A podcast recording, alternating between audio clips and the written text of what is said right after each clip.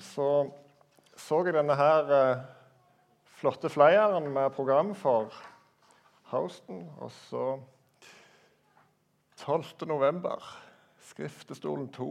Et liv i tilgivelse og forsoning.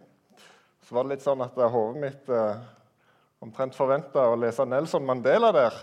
Men eh, så står det Leif Harbo, og det er meg. Så dette må jeg ta ned litt med en eh, litt skjemt. Jeg liker godt film. Denzil Washington han er en høydere for meg.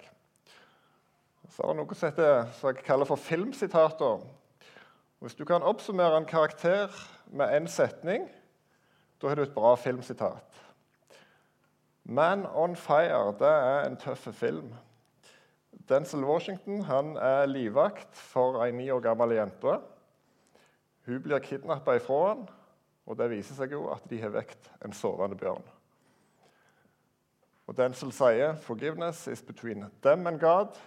I just arrange the meeting'. Jeg vil snakke litt om eh, mellommenneskelige tilgivelse i de litt mer krevende tilfellene. Og litt om forsoning.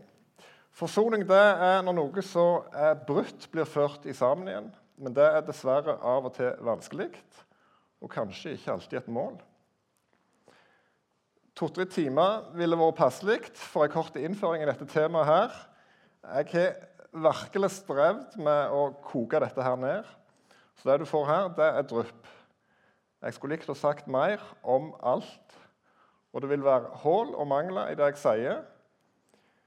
Mitt mål er å gi deg eh, nytt eller utvida syn for ting utfordre deg og gi deg lyst til å prosessere videre på temaet.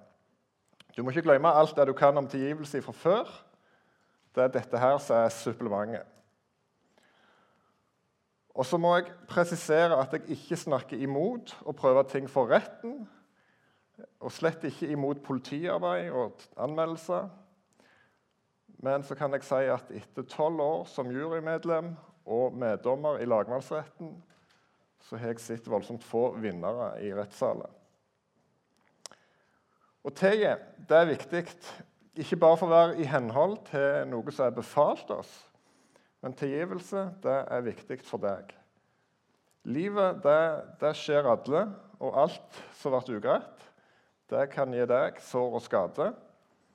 Eh, men det du ikke klarer å tilgi, det vil ha ødeleggende virkning på deg. Frykt, redsel, sjølmedlidenhet, bitterhet, sinne, hevnlyst, som blir værende i oss, det vil slå rød i oss og bli en del av oss. Jeg hadde en hund. Den hunden den var min beste venn.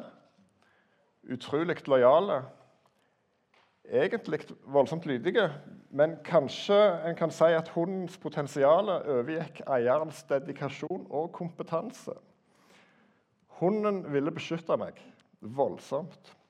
Så kan du tenke deg oss to i lag hjemme i fjoset med store dyr, og oss to i verksted med lyd og flamme og gnistregn. Kanskje fortjente hunden å bli trent, jeg, men jeg satte den i gården sin. Men hunden så hvor jeg gikk, og hun hadde to ører. Hunden ble stressa, og i det presset så begynte han etter hvert å jakte sin egen hale rundt og rundt. Og så ble det snart sånn at alt som kom brått, støyende, og alt som kanskje var uforståelig Hver gang det var sterke lyder og hunden ble usikker, så var hun i gang. Det skulle mindre og mindre til å trigge denne modusen. Og Av og til så klarte hun faktisk få has på halen sin og kjørte seg sjøl skikkelig ned i kne. Det var jo bare trist. Sånn blir vi når vi ikke klarer å rydde unna gammelt vas da får vi fort en modus som popper opp i oss hver gang trykket øker litt. Og så Etter hvert som folk blir eldre, så blir det fort færre og færre nyanser i reaksjonsmønsteret vårt. Gammel redsel og frykt kan bli til arroganse. Det blir klørne ute, kritikk og angrep på alt. Eller du kan bli så kua og mindreverdige at du hyller ting som ikke er bra. Du er totalt ukritiske og dermed sårbare. Eller vi trekker oss unna og kjenner frykt bare ut ifra en opplevelse av en stemning i rommet. eller kanskje bare litt for mye stemning i rommet. Og Mange har med seg tunge ting fra heim eller oppvekst. Og mange har levd i noe så de kanskje først etterpå innser at var ute av kurs. Og hva gjorde det med meg? Dette er ikke det mest ekstreme eksempelet, men det er vondt nok. Jeg bevitna en situasjon en gang for mange år siden der en far hadde sjansen til å hylle sønnen sin. Han hadde all grunn til å være stolt og sette seg sjøl litt i Stolt av sønnen sin og sette seg sjøl i skyggen et øyeblikk og la gutten få skine. Men det var han ikke en størrelse nok til. Det ble bare syre og oppgulp, kritikk og nedlatenhet. Jeg fikk så vondt. Jeg måtte invitere denne gutten på et glass med saft eller hva jeg nå ba han. Så sa jeg det jeg sier nå, det kan du sitere meg på. Du kan vri litt på det og bruke det i argumentasjon hjemme for å kjempe en kamp. Og da vil du få meg hata. Den risikoen er jeg villig til å ta, for heller hata enn feige. Eh, dette sier jeg for det. Ta det jeg skal si til deg, men kanskje du skal la være å bruke det, og kanskje dette kan bli imellom oss. Når jeg hørte hvordan far din snakket om deg og til deg, så ble jeg fryktelig lei meg. Og jeg tror jeg kan forstå bitte litt av hvordan du har det hjemme. Dessverre så kan jeg ikke ta deg ut av det, og jeg tror dessverre ikke at det er noe mer fornuftig å si enn at du må stå gjennom det. Men så vil jeg si du er ikke fortjent, far din. Det han sier om deg, må du ikke tro at det er sant. Og så må du passe deg så du ikke blir hard og bitter. Bestem deg for at det stopper her. Bestem deg for at du ikke skal være lik sjøl. Bestem deg for å bli bedre. Og så er du velkommen innom her, og så skal jeg skryte av deg. Det kan være utrolig krevende å ikke bli fanget i vondt og vanskelig. Noen som forkynner og underviser sin forståelse av hva tilgivelse er, gjør det i mine øyne for smalt. Mange går kanskje litt for langt i å sammenligne med hvordan Jesus er tilgitt all synd på korset. De snakker kanskje ut ifra noen ting Jesus sa. Et ideal som blir holdt fram, et halvt bibelvers eller tre, og snakker litt som om dette dekker inn en helhet. Men så har de kanskje såpass livserfaring at de innser at det likevel ikke gjør det. Og så kommer det en rulletekst til slutt med forbehold. Tilgivelse er likevel ikke alltid og krever ikke alltid og inkluderer ikke alltid. Med halve bibelvers og ut av kontekst så kan vi argumentere for mye. Favoritteksempelet mitt er et bibelsitat som har blitt et dogme i ekteskapsundervisning. Og Hver gang vi er en plass der dette blir framholdt, så har jeg egentlig størst underholdning av å skjegle litt på min konfliktsky kone. Hun spenner sikkerhetsbeltet og gjør seg klar for krasjlanding. Og det er faktisk helt sant. Eh, jeg får litt lyst til å rekke opp hånda og krasje det møtet. Dogme det er henta fra Salomos ordspråker. Det er gjentatt i Det nye testamentet. Og det går La ikke solen gå ned over deres vrede. Sukkersøtt og idyllisk. Ordne opp i alt før du legger deg. Men Salomos ordspråk det er parvers. Det er to setninger i lag. F.eks. først konkret, og så et bilde. Først alvor, og så skjemt. Først noe som er rett fram, og så en kontrast, osv. Og, og jeg har voldsomt lyst til å stille spørsmålet mitt. Du kunne ikke tenkt deg å lese hele det bibelverset. For det bibelverset, det går. Bli vred, men synd ikke. La ikke solen gå ned over deres vrede. Først nokså konkret, så opphøyd i ei filosofisk betraktning. Det, det, er greit å kjenne på sinne, men ikke bli dratt inn i et mørke. Som ektepar så er det fint å ha ting uttalt, men når jeg kjenner at det koker, så er det kanskje akkurat en natt, søvn eller tre jeg trenger. For var det egentlig så viktig?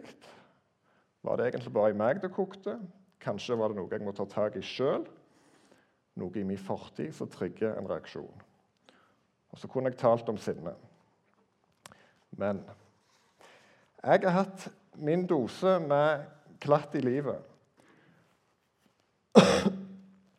Det skal jeg ikke trøtte dere med nå, men dette er nokså klassisk. Når jeg treffer den eh, naive gladkristne, og vi snakker om livet, og hvis jeg forteller min historie, da, min traume, faktisk, da blir responsen ca. sånn som dette. Og så trist å høre. Men hvordan går det med deg nå? Har du møtt disse folka etterpå? Har dere fått snakket ut? Har du tilgitt? Har du forsont? Og det har faktisk ofte opplevdes som et slags angrep. Jeg har hørt det som en mistanke. Dette er for mye, Leif. Dette har du ikke tilgitt, og nå skal jeg dra deg gjennom det. Og Så har det da tidligere blitt stein til byrden. Og så er det litt sånn, Hvordan kom vi her? For hva gjorde at du hørte det sånn? For dette var ikke historien om min bitterhet. Dette var fortellingen om hvem jeg er blitt.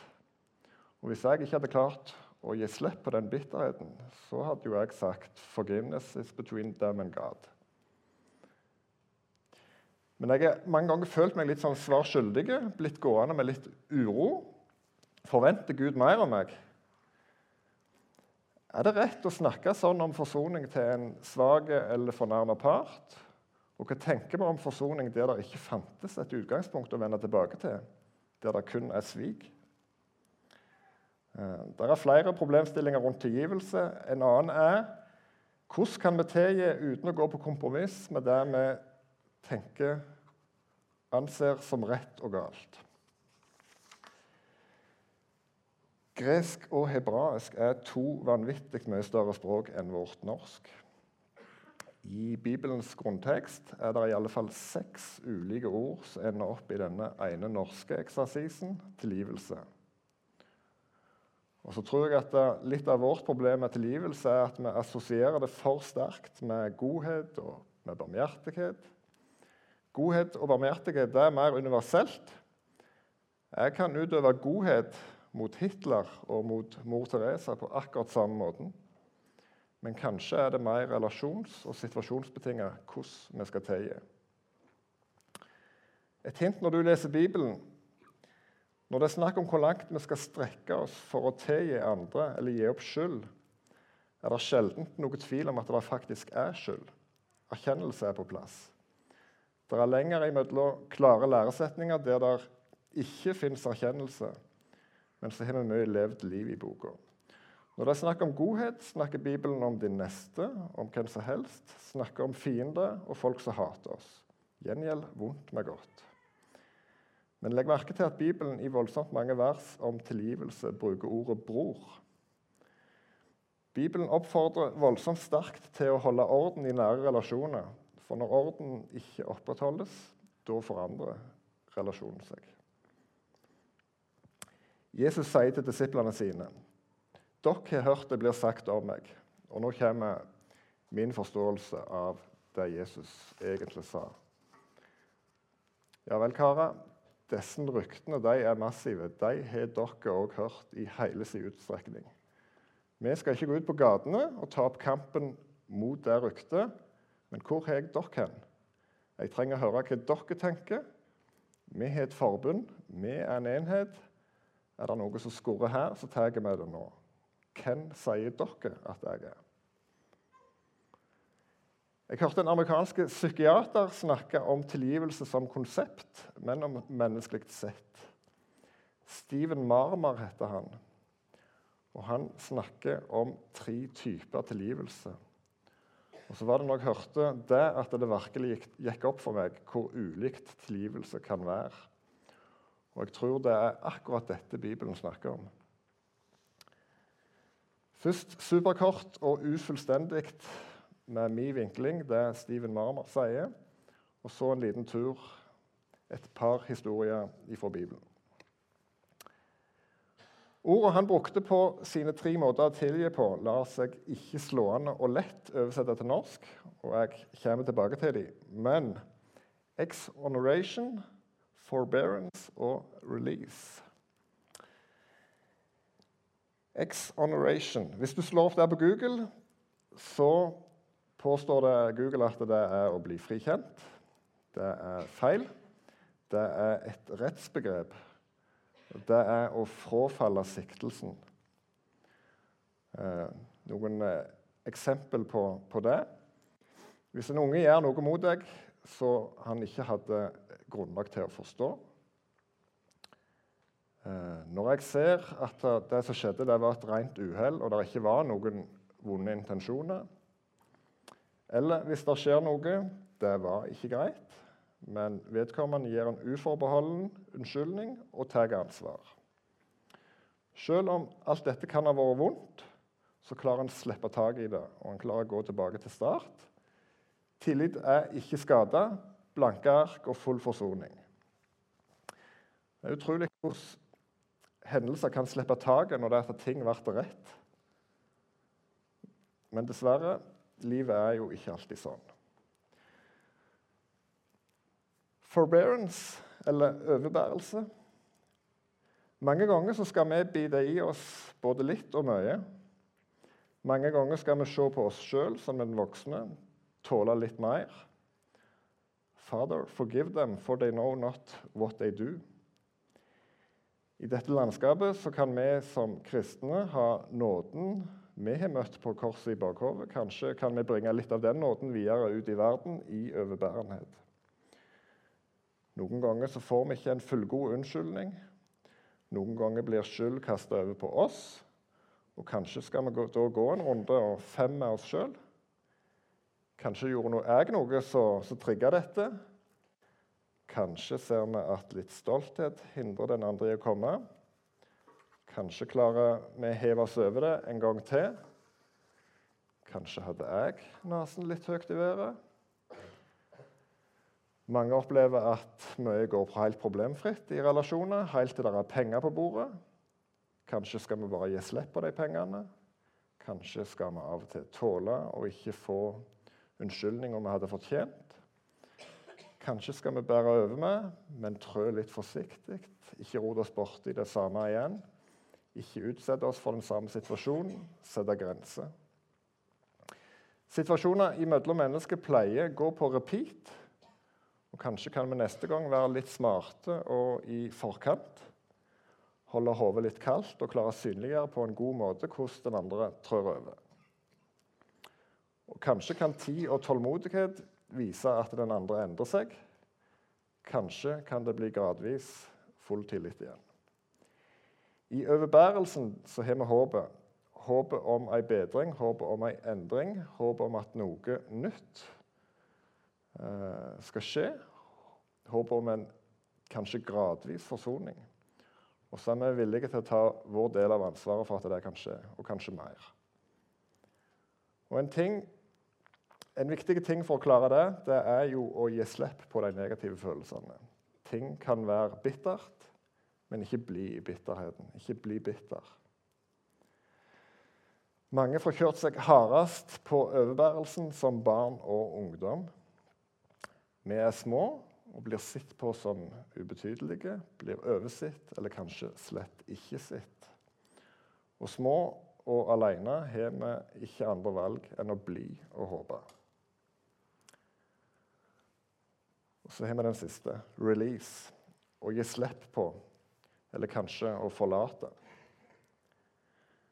Noen ganger så er sviket så stort, handlingen er så bevisste og onde anger eller unnskyldning så fjernt at det ikke er noe mer å arbeide med. Noen ganger så har vi prøvd for lenge. Noen ganger vipper det et punkt der det blir farlig, fysisk eller sjelelig. For mye på akkord med det jeg tror på, det en ser som rett og galt. Jeg må vekk, jeg kan ikke være her, jeg kan ikke være en del av dette. Det kan være ekteskap og nære relasjoner som går ifra vondt til enda verre. Det kan være forretningsmessige forbindelser eller arbeidsfellesskap. Du kan bli forsøkt dratt inn i løgn, bedrag og mørke. Og så Nå håper jeg at du forstår at dette verken er alternativ 1, 2 eller 3.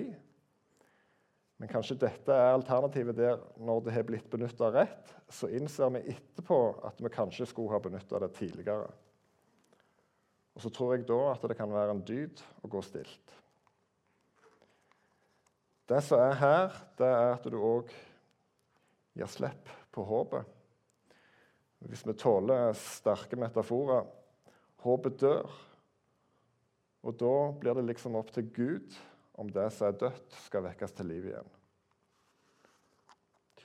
Håpet som dør, det er dessverre av og til enklere å forholde seg til død enn å forholde seg til et urealistisk og stadig sviktende håp.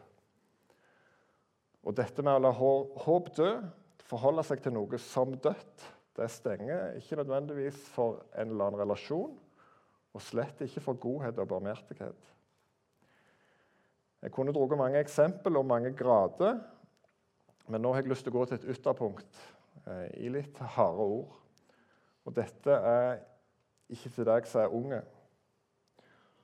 Og så må jeg nå bare presisere at jeg ikke bærer anklager mot min far.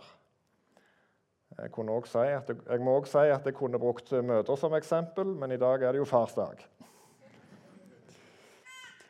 Mange har opplevelser med sin jordiske far, en plass på skalaen fra misbruk til tyranni.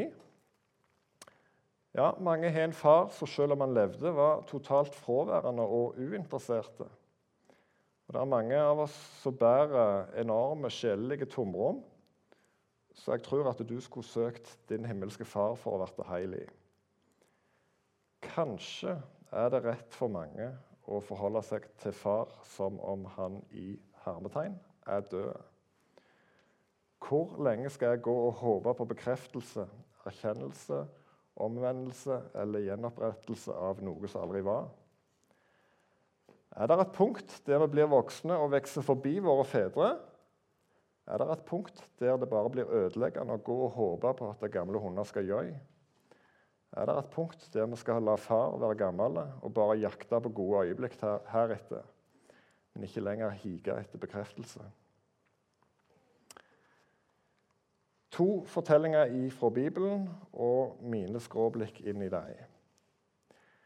David han gjorde rakettkarriere, knuste Goliat, ble helt, fortsatte som hærfører, hadde suksess. Men så var det et viktig vendepunkt i fortellinga. Damene i byen sang 'Saul slo tusener, men David slo titusener'. Kong Saul er altfor stolt til å tåle det. Narsissist, ville vi kanskje sagt i dag. Psykopat for 10-20 år siden. Saul han er mye. Og Saul kaster spyd etter David. Fram til det punktet hadde David tålt mye fra en sjuk mann. Men han hadde vært i overbærelsen en stund, litt på vakt, og David, David så det spydet komme. Mange må forholde seg til en og annen kong Saul-type, kanskje særlig som 10-12-åringer. Kong Saul fins i kristne miljø. Kong Saul har kanskje litt naive, godtruende foreldre, fraværende far. Kong Saul sier akkurat det situasjonen krever har funnet ut at han kan sette opp spillet sånn han vil, og er vant med å komme seg unna. Han unnskylder seg og uttaler de flotteste frasene når voksne og autoriteter er rundt. Men så fort de snur ryggen, banner, truer og tyranniserer de. Det er utrolig krevende å forholde seg til. Hva er egentlig oddsen hvis svak og liten David prøver å kjøre si sak mot kong Saul? David i metaforen min her har egentlig bare ett kort på hånd, og det er tid. Og Så kan en jo håpe at noen voksne våkner. Det er utrolig krevende å stå uten bitterhet i det.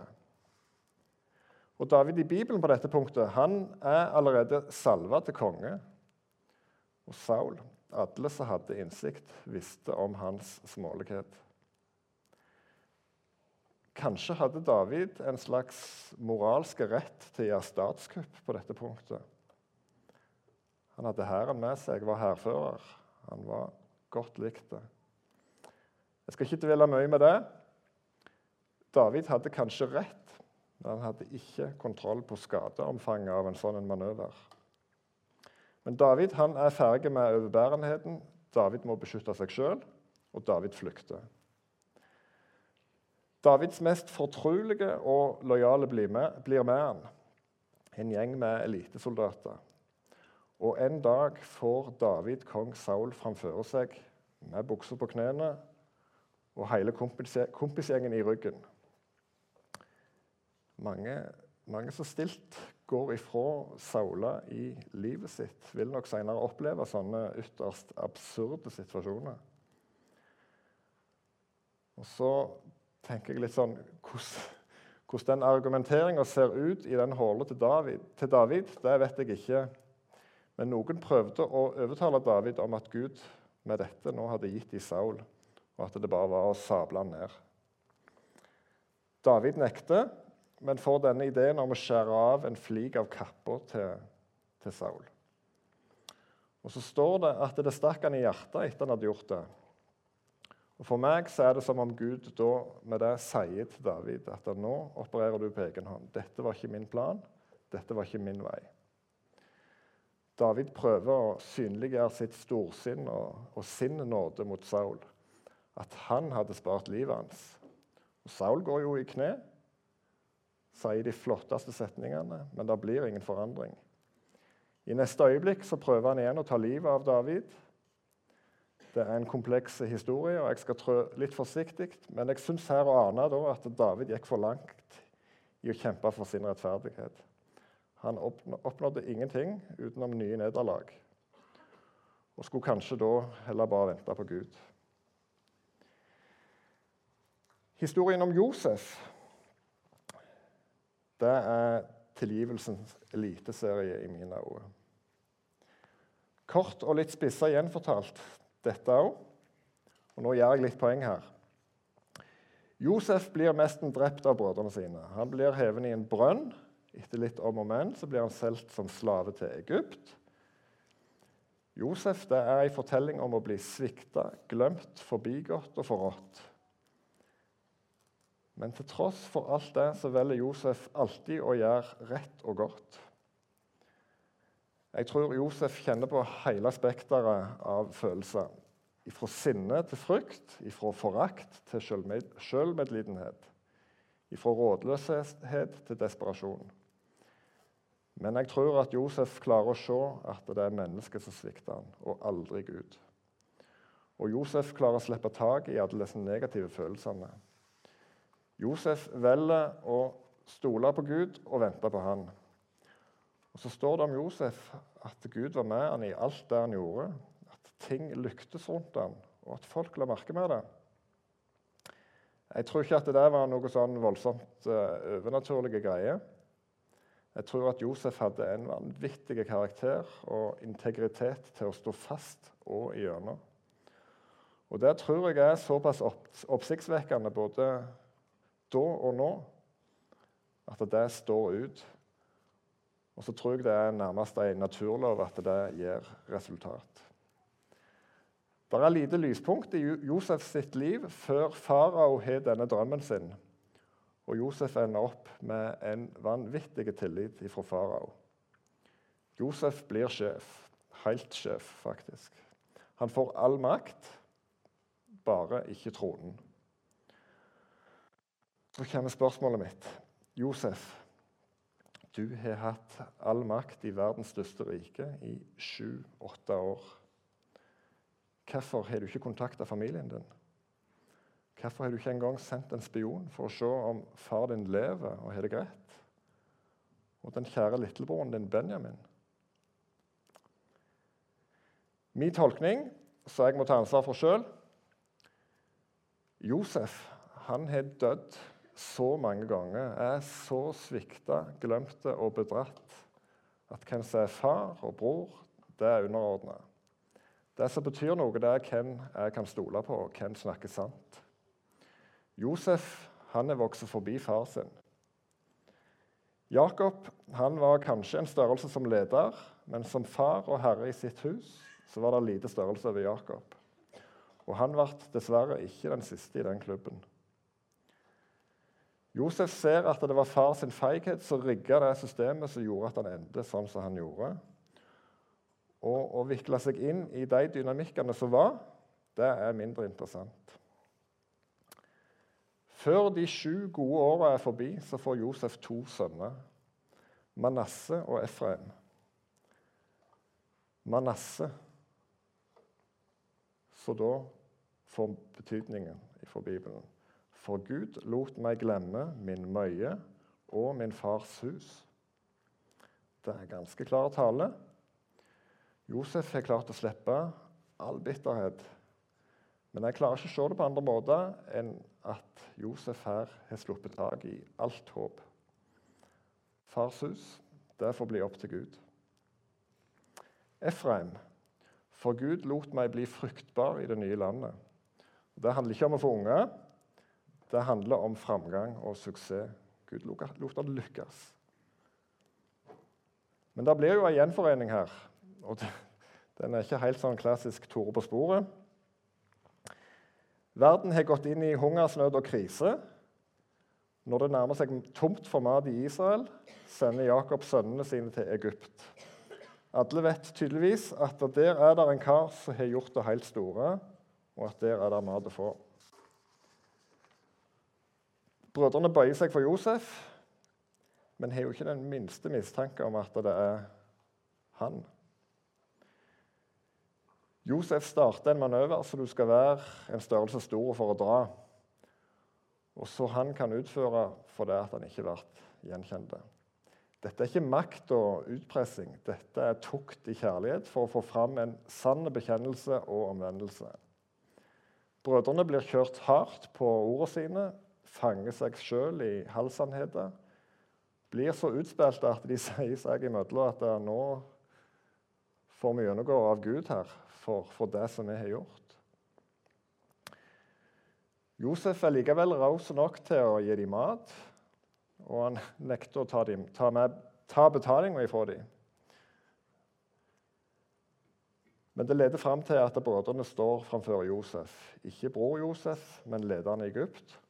Og så erkjenner de at de har en bror som de har tatt livet av, og at de har servert en løgn for far sin Jakob. Og nå kommer høydepunktet. For Josef ber alle egypterne om å forlate rommet. For nå snakket de sant, og nå kan de få møte bror sin igjen. Med sannheten på bordet så gir Josef de full forsoning. Men det er ikke clouet for meg her. Det største for meg det er hvorfor måtte egypterne ut? Og Min teori er at ja, Bibelen er ikke så tydelig i dette, men jeg tror Josef han kunne lett fått sin rettferdighet. Josef han kunne fått brødrene sine flådde levende hvis han ville. Josef lot det være. Og så blir du ikke plent populær som statsminister av å bygge kornsiloer og samle kodden i gode tider. Død kapital, roper blårussen. Hvis du ikke har farao i ryggen, så er det nesten politisk selvmord å gjøre sånt. Men når nød og uår inntreffer, og du er den som har gjort den manøveren, da er du helt. Og jeg tror at hvem som helst egypter som fikk nuss i at her er det noen karer som har stått helten vår etter livet, han ville ha sørga for dom over dem. Josef han frir brødrene sine fra den dommen de egentlig hadde fortjent. Og Senere i fortellinga, når det er at de treffer farao, og Josef forteller at brødrene hans er her, så er det en intetanende farao som utbryter i retning brødre. Far. Fantastisk. Velkommen. Eh, ta gosen. Det, det tror jeg må være det beste området landet vårt har. Slå dere ned der. Og Så er det bare ett problem igjen. Og det er at brødrene ikke klarer å tilgi seg sjøl. Men det er en annen tale. Et par tale bibelvers til slutt. Romerne 12, 19, Norsk bibel 88. Det er mange dårlige oversettelser av dette verset som har kommet i seinere tid. Så ja, men Norsk Bibel 88 får fram poenget bra. Hevn dere ikke selv, mine kjære, men gi rom for vreden, for det står skrevet:" Hevnen hører meg til. Jeg vil gjengjelde, sier Herren. Og Det står nesten så sterkt som at gjengjeldelse er Guds navn, mitt navn. Og Gjengjeldelse er iallfall en del av Guds karakter. Og så har vi andre Mosebok 1414. 14. BPH. Det er da altså Bibelen på hverdagsdansk. Skal jeg eh, kanskje forklare en annen gang hvorfor jeg leser en del Bibel på dansk. Men Moses og israelsfolket Dette er jo ut av Egypt igjen, da, lenge etter. Etter landeplaget og etter Guds mektige inngriper, så, så, har de klart å seg, komme seg ut av slaveriet og så står de med bredden av Rødehavet, også, men bak seg så ser de ei støvsky som nærmer seg. Farao eh, angrer på at han lot de gå, eh, og Egypts hær er på hjul etter dem.